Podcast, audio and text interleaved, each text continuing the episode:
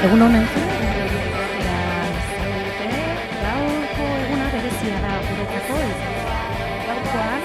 plaza berritik ari gara Euskal Zandiaren aretotik. Zuzeneko emankizun berezi egingo dugu eguerdi bitarte berro eta urte bete ditu aurten Euskal Herria liburuak eta itzaki horrekin Gabriel Arestiren figura gizarteratzeko egun beteko jardunaldia antolatu du Euskal Zandiak e, eta baita ere Gabriel Aresti elkarteak Bilboko udalaren laguntzaz. E, gaur goizeko bederatzi terdietan hasi da jardunaldia eta bueno, ba bertan e, agurra egin dute. Baina gaurko egunak denetarik ekarriko du Oskorri taldeak Bernardo Atzaga, Kanantza Urreta Bizkaiak, Xavier Quintanak, Andonia Gaineak eta Jon Kortazarrek hartuko dute parte besteak beste. Beraien hitzak ere jasotzeko asmoa dugu gaurko saio berezi honetan, ba goizeko 10 emateko minutu gutxi falta direnean abiatzen dugu saio hau, Ibon Burgoa eta Javi Zabala lankideak ditut aldamenean, eta mikrofono hauetan ba Xavier Monasterio eta ni neuan ezabala arituko gara. Gaurko jardunaldietan musikak ere izango du bere tartea. Ia eman zuen bere ibilbidea amaitutzat oskorri taldeak, baina salbuespena eginda, holtzara bueltatuko dira gaur, gaurkoan Euskal Herria liburuko poemekin osatutako sei abesti eskeniko dituzte. Agustin Ibarrola pintoriareari e, umenaldia egingo diote, ark egin zuen ereta arestiren liburuaren ilustrazioen irudiak. Bueno, tira, ba, Agustin honen berri emango dizuegu, baina dagoeneko badugu lehenengo gobin bidatua mai buelta honetan, bere etxean, gaur bere etxera etorri gara eta e, Andres Urrutia, Euskaltza inburua, egun hon, Egun hon zuri eta entzule guztioi, barka desatela entzulek nire ahotza pixka marranta daukat, e, parraldean esaten duten bezalaxe, ba, alako katarrotxu ere ba, badugu. Eta zuk esan duzu nire etxea, ez guztion etxea. Guztion etxea Euskararen, Euskaltzainia guztion etxera baita, eta Euskaldun guztion etxea, eta ala sentitu behar dugu. Ze horrela sentitzen espaldin badugu, azken baten alper alperrik izango da Euskaltzen diren ekina. Beraz, guztion etxera izan dadila, eta guztion etxera izateko bidean nahi dugu Euskaltzen dira. Eta etxea hitzea aipatuta, gaur e, hasiera ekitaldian ere etxea hitza aipatu duzu Gabriel Arestiren etxea hau ere izan zelako.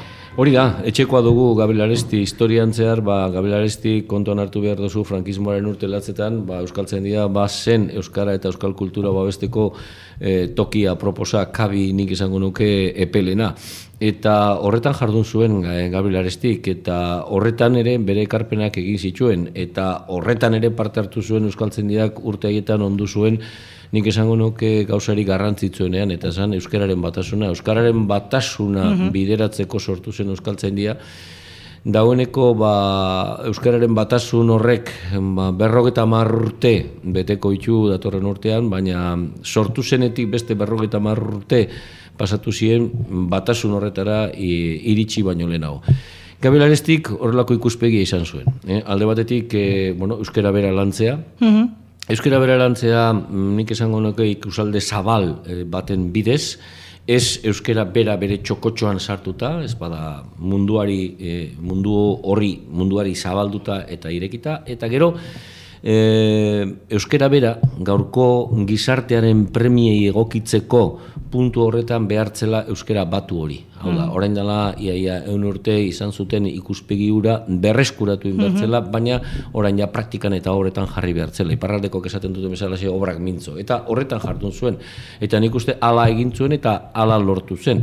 Euskararen batasuna behar bada ba, lan kolektibo bat izan zen, askoren lan kolektiboa izan zen, baina mm, lan kolektibo horretan badira pertsona batzuk ala nola Gabriel Aresti ba esanguratsuak izan zirena gertatu zirena. Horregaitik aipatu duzu Gabriel Aresti gogora ekarri behar dugula euskaratik, baina baita ere Bilbotik, eh? Ze garrantzitua bai. izan zen berarentzat Bilbo eta guretzat ere Bilbotarrontzat Gabriel Aresti agian, ez? Bueno, ba Bilbo esateateako gerrausteko urte urte ilun hoietan Bilboa euskararentzako basamortutza zen. E, azken baten euskal tzaindiak iraun zuen, al izan zuen moduan, Ribera kaleko mm -hmm. zenbakian, ziren alde batetik Don Resurrezio Mariazko eta bezetik Nazari Oleaga, eta hoiek hasi ziren pixka gauza mobitzen iparraldekoekin ez zin loturik egin, ez ezin eskoa baitzen, gade bekatuta baitzen, eta gipuzkoako ba, beste bi euskaltzenekin hor giro bat hasi zen, eta giro horretara, giro horren arrimutara etorri ziren, bestea beste, ba, bueno, ba, jente asko literatura munduan ibili zena, ba, Gabriel Estibera esan duguna, mm -hmm. Eusebio Urkiaga, Ruza, eta abar, eta abar, eta abar. Hor giro bat sortu zen.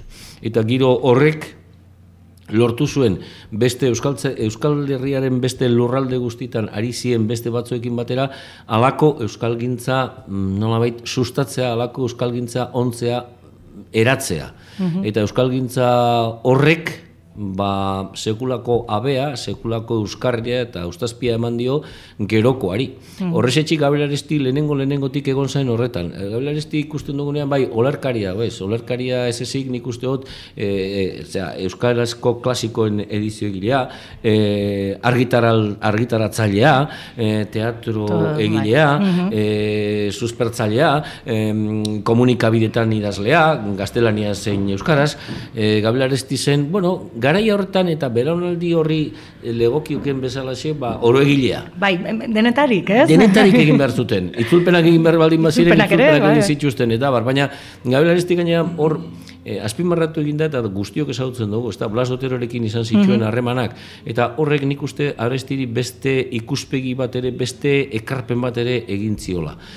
Mm, nik beste arrazoi askoren ga, batzuen gatik, ba, ba, Blas Oteroren eh, lana pixkat ezautzen dut, eta hor eh, argi ikusten da e, Oterok arestirengan izan zuen eragina, eta nik esango nuke alderantzizko ere bai. Mm Hala ere, gaurkoan, ba, e, bueno, e, urriaren amalauean beteko zituen urteak, ez? E, gertu, gertu.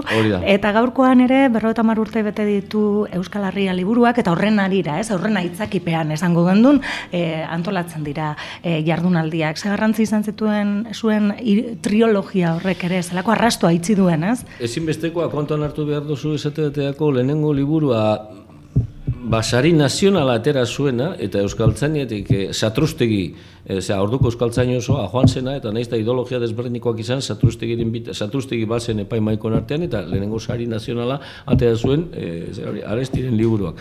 Hori alde batetik, eta gero bestetik, bueno, urreratu nahi izan dugu, beste aresti hori, eh? ez mhm. bakarrik akademikotasunaren ikuspegitik, ez ba pertsonaren ikuspegitik, inun bizi izan, zer nolako eragina izan zuen, mm Eta gero, belaunaldi berriei erakutsi, ba, musikaren bidez, dramatizazioaren bidez, gogorapenen bidez, inguruan izan zituenak.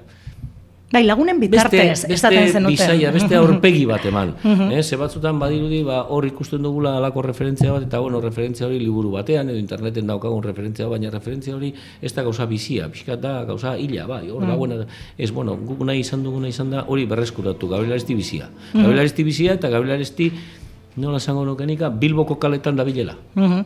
Bai, eta horregaitik gaurko jardunaldian e, parte hartzen dutenak asko ba, ezagutu egin zuten, berarekin lan egin zuten, ez, aberkintana bezala, Osko Ribera bezala, ez, azkenean ezagut, e, ez, bai, ezagutu... bezala xe, mhm e, momentu honetan e, e, zerari baliz bezalaxe Bilboko kaletan mm gora eta bera eta Bilboko gaurko premiak eta gaurko uh, kontuak eta abar bizik e, izango balitzu bezalaxe bera aurrean. Eta kontuan hartu behar dugu oso desberdina direla gaurko Bilbo eta arestik ezautu zuen Bilbo.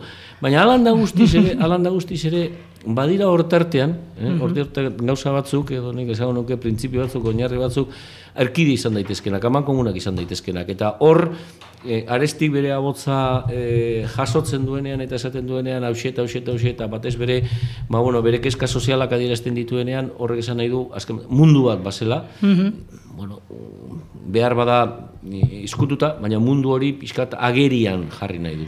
Eta euskararen partetik, aresti nola ikusiko luke gaur egun Bilbo. Ez ba, behar bada, jakin, ba, behar bada, ba, behar bada e, gazi gozoa. Gazi gozoa, ez? Gazi gozoa, beti esaten duguna, ez da? Uh -huh. Gunaiko genuen aina ez, baina, bueno, e, ez da ere guztiz galduta. Uh -huh. Esan edut, nik uste presentzia bat, eta, bueno, egin beharrekoa, egin behar, eta nik esango nuke gazi gozoa. Baina gazi gozotasun horren aurrean, nik uste arestik erakutziko lukela, ba, behar duguna, eta da borondatea aurrera joateko, mm, ekimenak mm eramateko, ekimenak e, sustatzeko, eta euskara eta euskal kulturaren alde lan egiteko. Beti esaten duguna, ba, ark berak eskura zituen baliabidea kontuan hartuta, eta baliabide urriak ziren ordukoak, ba, egin zuen, guk bestelako baliabidea ditugula zer gaitik Mhm. Bueno, ba, mesu horrekin e, bukatuko dugu. Andres, eskerrik asko. Eskerrik eta espero, bueno, ondo joan daitezela gaurko jardunaldiak, izan ere, eguerdi partera arte, eta gero, arratzaldean ere, ba, bueno, lanean ari diren horiek ere, aukera izango dute, arratzaldeko saspiretatik arituko dira, eta e, Bernardo Atzaga, Arantxa Urreta Bizkaia, eta e, Josua Sarrin ondia. Hori da. Eskerrik asko. beste. Besteak beste, Mila hori da. esker zuri eta mila esker entzule guztioi eta parkatu, baina lortu dut estulik ez egotea. Bai, bai, eskerrik asko. Vale, Agur. gero arte. Bilbo iria. Laragoita masi puntu zero FM